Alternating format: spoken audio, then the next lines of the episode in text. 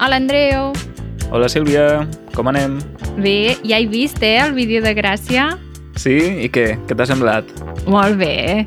A més a més, em va fer molt... mm, Bueno, em va fer molta gràcia, valgui la redundància. La redundància. Sí. Que veu entrevistar un creador de contingut en català.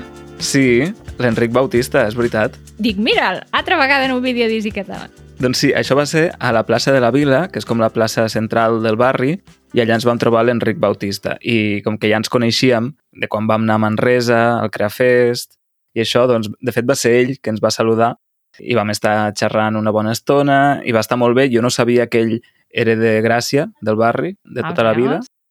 I sí, va ser un vídeo bonic de gravar perquè vam trobar molta gent del barri, nascuda al barri, no? que ens va poder explicar l'essència d'aquesta zona de Barcelona i també ens van fer recomanacions que si no heu vist el vídeo n'hi ha moltes i he de dir per experiència pròpia que moltes d'elles són molt bones. Ah, molt bé, veus? Exacte. Si voleu conèixer més aquesta part de Gràcia, teniu el vídeo al canal i també us el posarem enllaçat a les notes del programa. I parlant d'això, justament vam rebre un comentari del Rogerio que diu Sí, conec el barri de Gràcia, m'encanta, i vaig estar el juny d'aquest any. Passejar pels carrers del barri, caminar, relaxar-se i veure coses és molt agradable i molt bonic. Recomano el cafè Flor, dolços, pastissos i aperitius salats molt saborosos i bons. També, Mhm. si podeu mirar una pel·lícula al cine Verdi, és molt maco. Hi ha Mhm. pel·lícules molt bones. Hi ha molt per fer en aquest bonic barri de Barcelona. M'encantaria tornar aviat a la Vila de Gràcia. Gràcies a tothom. mm. Ah, el cinema Verdi és com un, un referent, no? Vull dir, Sí, és un lloc molt emblemàtic. una altra cosa que heu de saber és que si voleu descobrir Barcelona amb nosaltres, també ho podeu fer amb les xerrades presencials, no? amb les trobades que fem Oh, tant. físiques en persona a la ciutat de Barcelona. Si ho voleu fer, us podeu fer membres de la comunitat a través de l'enllaç easycatalan.org barra membership I així podreu anar amb l'Andreu al teatre o a veure un espectacle o a fer un cafè i xerrar una estona. amb l'Andreu o amb la Sònia o amb el Matthew o amb la Valentina o altres membres de l'equip que viuen a la ciutat. Easy Catalan recomana. Doncs Sílvia, avui volia començar l'episodi amb una recomanació A veure. d'un programa que han començat fa poc a TV3, Mm -hmm. d'acord? Aquest programa es diu La Travessa. No sé si l'has vist, No, no el conec, no sé de què va. no? Doncs és un concurs, d'acord? Mm -hmm. que té lloc al Pirineu, a les muntanyes, al Pirineu català. D'acord. En aquest concurs hi ha vuit parelles, poden ser doncs, amics o parelles sentimentals o familiars, no? Per exemple, hi ha dos germanes, però també hi ha un pare i una filla, Entesos? d'acord? Hi ha una sogra i un gendre.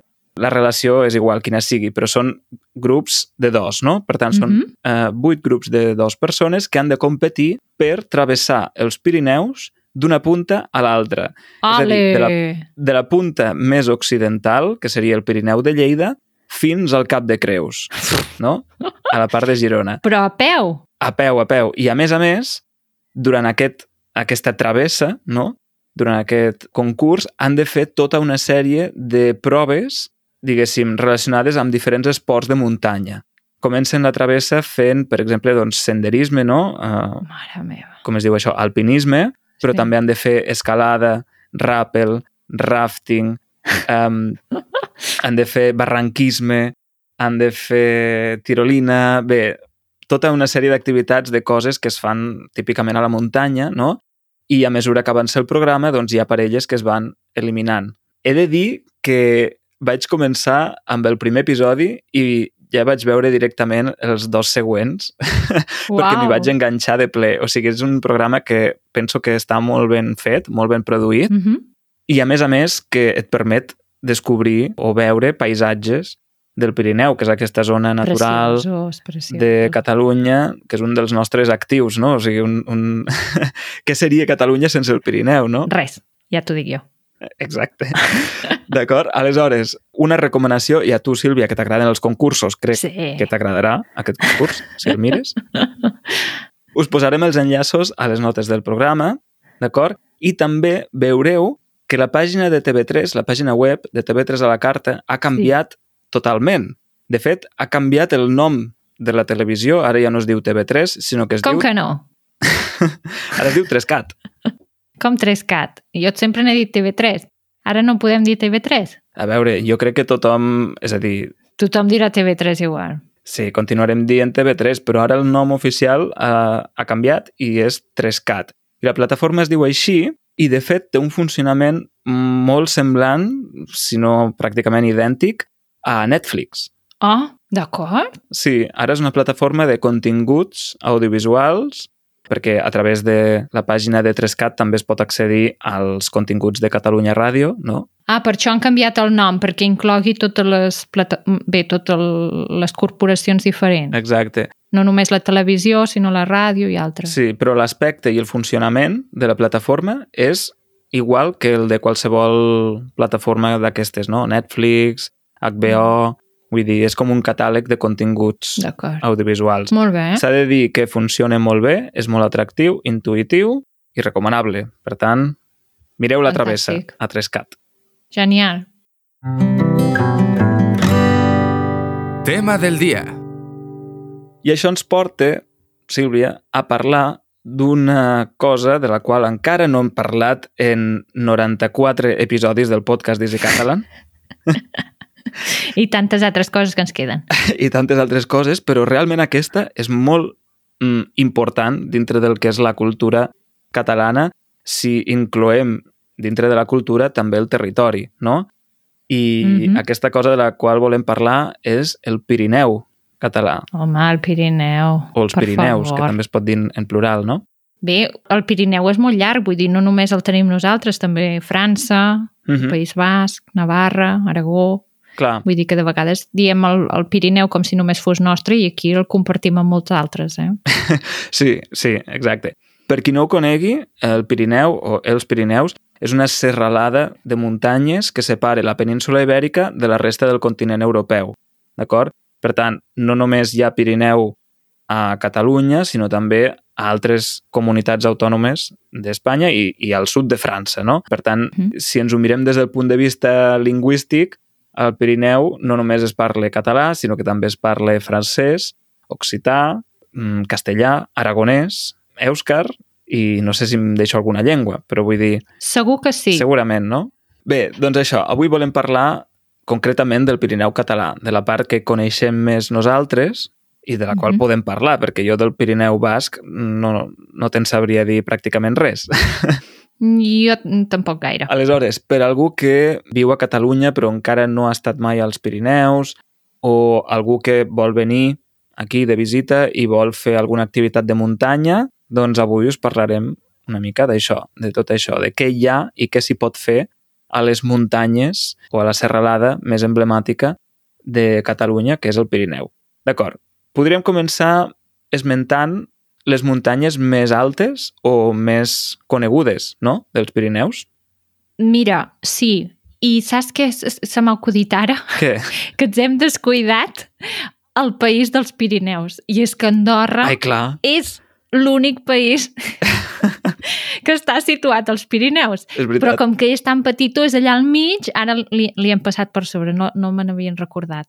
Però sí, llavors, partint d'Andorra, per exemple, la muntanya més alta d'Andorra, que crec que és la Coma Pedrosa, si no m'equivoco del nom, mm, diria que sí, Coma Pedrosa, jo diria que és.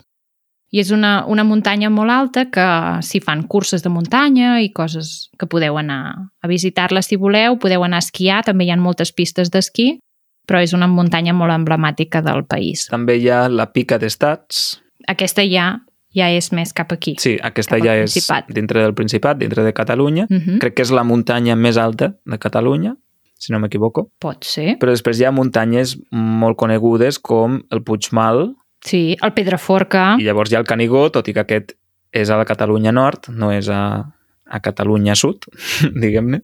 Però el Canigó també és molt popular per tot el tema de, dels poemes, no? Sí. La flama del Canigó. Mm. -hmm.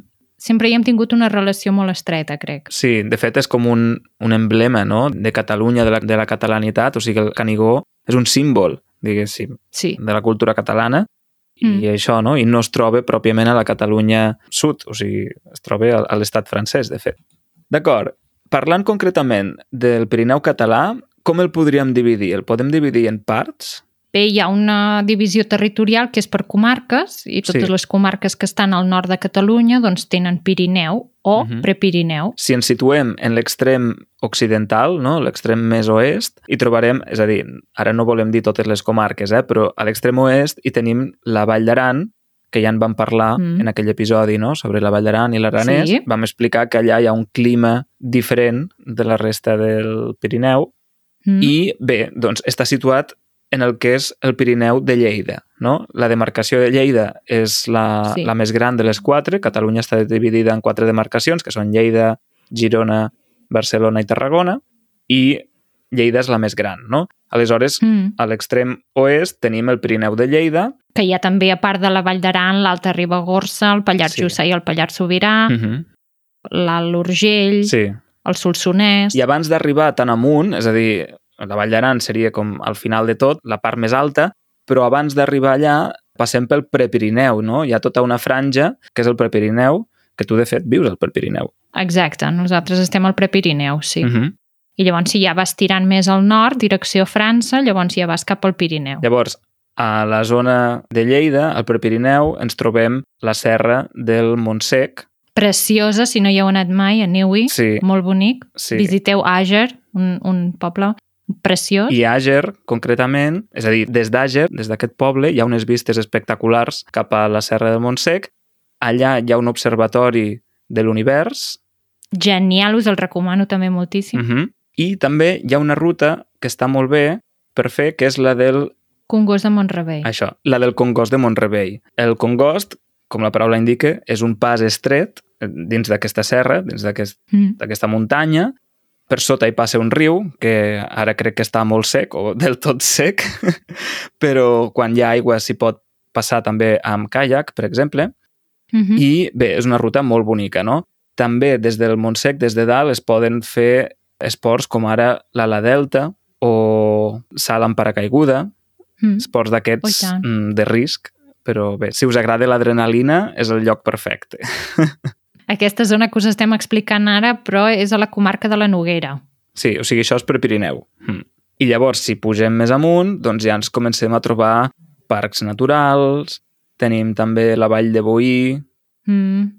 Jo, hi ha una vall, que no és la vall de Boí, és una vall paral·lela que es diu la Vall Fosca, ah, sí, que hi ha la Torre de Captella, és una mica més amunt de Trem, es troba a la Mhm. comarca del Pallars Jussà, que és molt bonica, molt Mm. bonica. Sí. I també us la recomano molt. Sí, i també hi ha diversos parcs naturals, però un és el Parc Natural d'Aigües Tortes, on hi ha també diverses rutes per fer. Mm, Jo he fet aquesta ruta unes quantes vegades, crec que tres o quatre, i la repetiria moltes més. És molt recomanable. Mm. És que tots aquests, aquests territoris que hem anat comentant, en molts hi trobeu estanys i llacs i, Mm. i és una cosa que a mi m'agrada molt anar-hi a l'estiu, anar a visitar algun llac o estany de muntanya. I, per exemple, nosaltres aquí en tenim alguns que són més a prop que aquests que tu estàs comentant ara, Andreu, Mhm. que són, per exemple, els de Maranges o els de Malniu o els llacs de la Pera, que són aquí a la Cerdanya o a l'Alt Urgell, Mhm. i mm, són llocs que jo trobo molt bonics de visitar a l'estiu. Fer una petita ruta caminant i quan arribes allà estàs al voltant de l'estany, al llac, toques una mica l'aigua. Tot i que crec que ara estan prohibint de tocar l'aigua dels estanys i els llacs, o sigui que millor no us toqueu. Però Mm. molt bonic. Sí, parlant d'estanys, en aquest mateix parc, el de l'Aigües Tortes, hi ha l'estany de Sant Maurici. Sí, És molt bonic. I bé, i ja per acabar, i passem més cap al Pirineu central, doncs al Pirineu de Lleida, o Prepirineu, hi ha un lloc que és molt conegut per fer-hi rafting i esports, eh, bé, ra- barranquisme, no? esports de riu, Mhm. que és Llavorsí. És un poble Home. que es diu Llavorsí. També surt en aquest programa que hem comentat abans de la travessa, i això, és una activitat de muntanya que podeu fer allà i, i que és molt guai. D'acord, passem més cap a la teva zona, cap a la zona central del Pirineu. Doncs, si vols parlar una mica d'aquí del Prepirineu, si us agraden les muntanyes així que són una mica diferents, Uh -huh. n'hi ha una que és al Solsonès, es diu Busa, no sé si ho coneixes. No? És una, una muntanya més aviat feta de roca, rocallosa, i és una antiga presó. Mm. Hosti, doncs no n'havia sentit a parlar mai. Doncs és molt interessant d'anar-hi, de veure-la. És, és un, una muntanya que és completament plana de dalt i està connectada amb la Mhm. muntanya del costat simplement per un pont. I llavors, per això es feia servir aquesta muntanya de presó, perquè allà s'hi Ah. deixava la gent, no? no podien Mhm. travessar el pont i es quedaven allà. És l'Escaban de Catalunya. I fer una ruta per Busa, doncs, és, un, és una ruta que està molt bé, que la podeu fer, i Uh -huh. no és el Pirineu, és el Prepirineu, però des d'allà es veu tot el port del Comte, que és una, una estació d'esquí mm, del Mhm. Solsonès, que també podeu anar-hi a esquiar si voleu a l'estiu, i Mhm. ai, a l'hivern, i està molt bé. Eh, Us ho recomano molt. D'acord. Clar, abans parlant del Pirineu de Lleida no hem esmentat l'esquí, però allà també hi ha pistes d'esquí, no? Igual que Andorra, Ui, tant. Vall d'Aran, sí. tot allò. O sigui, de fet, deixa'm avançar-te, Sílvia, que per al bonus he preparat un petit quiz, un petit concurs Ai, que bé, que bé, que dades que bé. curioses sobre els Pirineus. I una de les preguntes és quantes estacions d'esquí hi ha al Pirineu català. Per tant, vés-hi pensant. Idea. no hi ha opcions, Eh, potser sí. perquè sense opcions ho veig molt cru. I a part de Busa i de la, la zona aquesta del Port del Comte, hi ha, com has comentat molt bé, el Pedraforca, que és una muntanya com... Mm -hmm. Mm, en diuen la muntanya màgica perquè, bé, la gent creu doncs, que, que potser hi havien hagut bruixes, hi ha moltes llegendes al voltant de la Mm. muntanya. En fi, és una muntanya molt típica que hi va molta gent a, a caminar, a fer escalada, a pujar-la, i mm, si de veritat la voleu pujar, simplement demanar que us equipeu i prengueu les mesures corresponents per fer-ho. Saps que jo hi vaig estar per primer cop, crec que va ser fa un any o una cosa així, fa molt poc, i trobo que és una muntanya espectacular, o sigui, és, eh, imposa mm. molt. També és una muntanya molt diferent a les que normalment estem acostumats a veure perquè té forma de forca, per això es diu així, Mm. eh? pedra forca, perquè té la forma com si fos dues pues d'una forquilla. Sí, una forca és un estri utilitzat en la pagesia per agafar la palla. D'acord. Eh, doncs, deixa'm explicar una anècdota, perquè quan... És a dir, saps que hi ha aquesta expressió catalana per dir que una cosa és molt lluny o que ha arribat Sí. molt lluny, que és a Campistraus, no? Sí, Campistraus. sí. Doncs, quan vaig anar al Pedraforca, hi havia un mapa d'aquests que et permeten saber quines muntanyes veus des d'allà, no? Quan hi ha un Sí. mirador, normalment hi ha un Mhm. mapa allà. Doncs, en aquest mapa hi havia un punt on hi deia Can Pistraus. De veritat. De veritat, de veritat. És a dir, no sé si era una casa o un petit poble, un petit municipi que es diu Can Pistraus. I la veritat és que està molt lluny. Llavors, no sé si l'expressió ve d'aquí, però Doncs probablement, ser. probablement. Podria sí. ser. Doncs no ho conec, ja ho buscaré. Campi Mm. Strauss, sí, sí. És que aquestes expressions sempre tenen algun origen concret, el que passa que el, el desconeixem moltes vegades. Sí, doncs això ha sigut un, una expressió de la setmana aquí improvisada, però sí, si una cosa, per exemple, heu xutat la pilota i se n'ha anat molt lluny, doncs se n'ha anat a Campistraus, no? O Sí. coneixeu algú que viu molt lluny. Per exemple, tu, Sílvia, tu, tu vius a Campistraus, allà. O tu, depèn de com es miri. sí, d'acord. Una altra cosa que hi ha per aquesta zona no, més, més central del Pirineu és el Cadí. Sí, el Cadí Moixeró, el Parc Mm. Cadí Moixeró, és, és un parc natural mm, que és molt extens, que va des d'aquestes zones que estàvem comentant ara, o sigui, Bus al Port del Comte és una de les branques que té el Cadí Moixeró i l'altra branca és tota la, la zona aquesta dels rasos de Peguera, la Serra d'Ensija, el Pedraforca, i llavors s'ajunten i van a, van a fer el Parc Cadí Moixeró, que ja és cap al, a l'Alt Urgell, o sigui, tota la zona de la Seu d'Urgell i voltants. Ja heu vist que si necessiteu un guia i voleu fer una excursió per allà i necessiteu algú que porti, la Sílvia és la persona adequada. és, un- és un lloc preciós. Vull dir, jo Sí. n'estic molt enamorada de, del Pirineu i del Prepirineu. Mm. A mi m'encanta. Mm. Però ja sé que no tothom té els mateixos gustos, llavors no sí. passa res. Un últim lloc que volia comentar-vos que ens ho vam passar molt bé quan hi vam anar va ser que una vegada vam fer una travessa amb uns amics i la vam fer al Ripollès. Concretament vam anar de Vallter fins a Núria D'acord? i la vam fer caminant. Vam deixar els cotxes primer a Núria i llavors tots junts ens en vam anar amb un cotxe fins a Vallter i d'allà vam començar a caminar, tornant fins a Núria i llavors agafant els cotxes i tornant-los a buscar. I va ser una travessa que va durar, crec, tres o quatre dies. Vam anar Mhm. dormint a diferents refugis de muntanya. És una travessa que la guardo en el record com una travessa preciosa que la tornaríem a fer qualsevol dia, però les circumstàncies de la vida han canviat i llavors no, amb aquest grup Mm. d'amics no crec que la tornem a fer. I va ser un lloc, una, una excursió molt bonica, perquè era l'estiu, i vam anar quan teníem vacances, a l'agost, tot i això feia molt fred, perquè ja saps que, que quan Mm. vas a fer aquestes travesses de muntanya, per molt que sigui al mig de l'estiu, hi fa molt fred.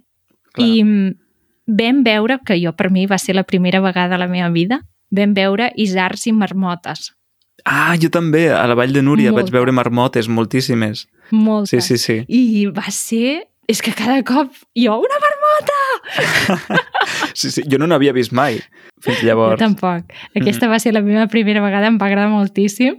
I llavors, ara quan aquests, aquests amics van tenir una criatura, van tenir una nena, i vam anar llavors a Molló, també al Ripollès, que hi ha un parc que es diu Molló Parc, i allà pots veure els animals aquests típics del Pirineu. Pots veure marmotes, isards, Mm. mm. qualsevol. Qualsevol d'aquests animals el pots veure allà.